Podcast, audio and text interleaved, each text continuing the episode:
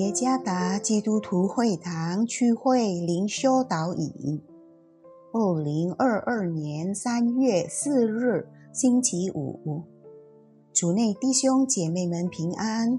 今天的灵修导引，我们要借着圣经罗马书十二章第九到二十一节来思想今天的主题：来自信徒的身上。作者。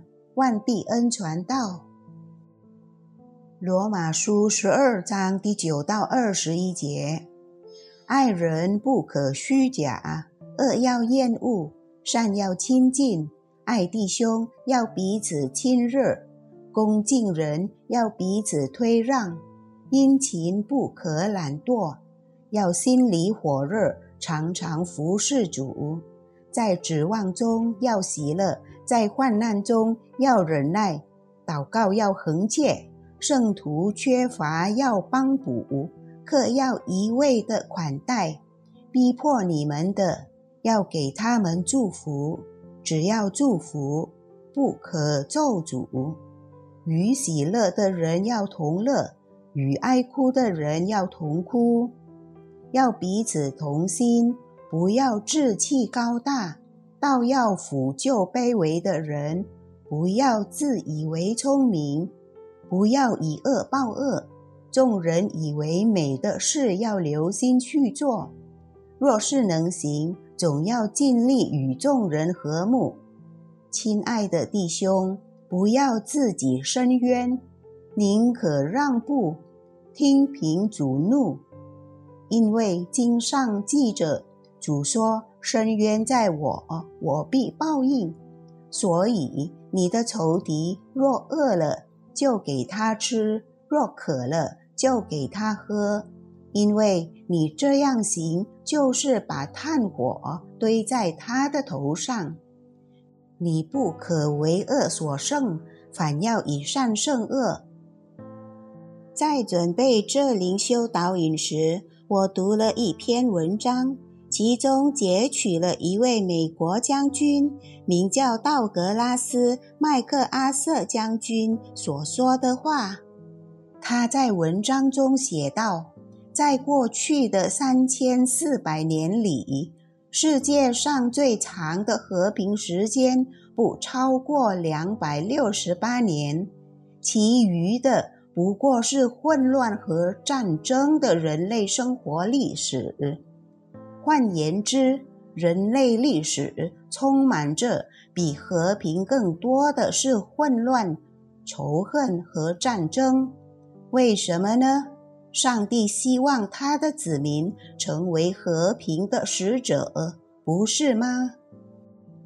在今天的经文中，使徒保罗传达了一个关于信徒群体应该如何生活的信息。那些是什么呢？不要做一个假装好心，但其实是个坏人。爱弟兄要彼此亲热，恭敬人要彼此推让，致力于帮助有困难的人，祝福那些恶待我们的人，而不是诅咒他们。对他人有同理心，和睦相处。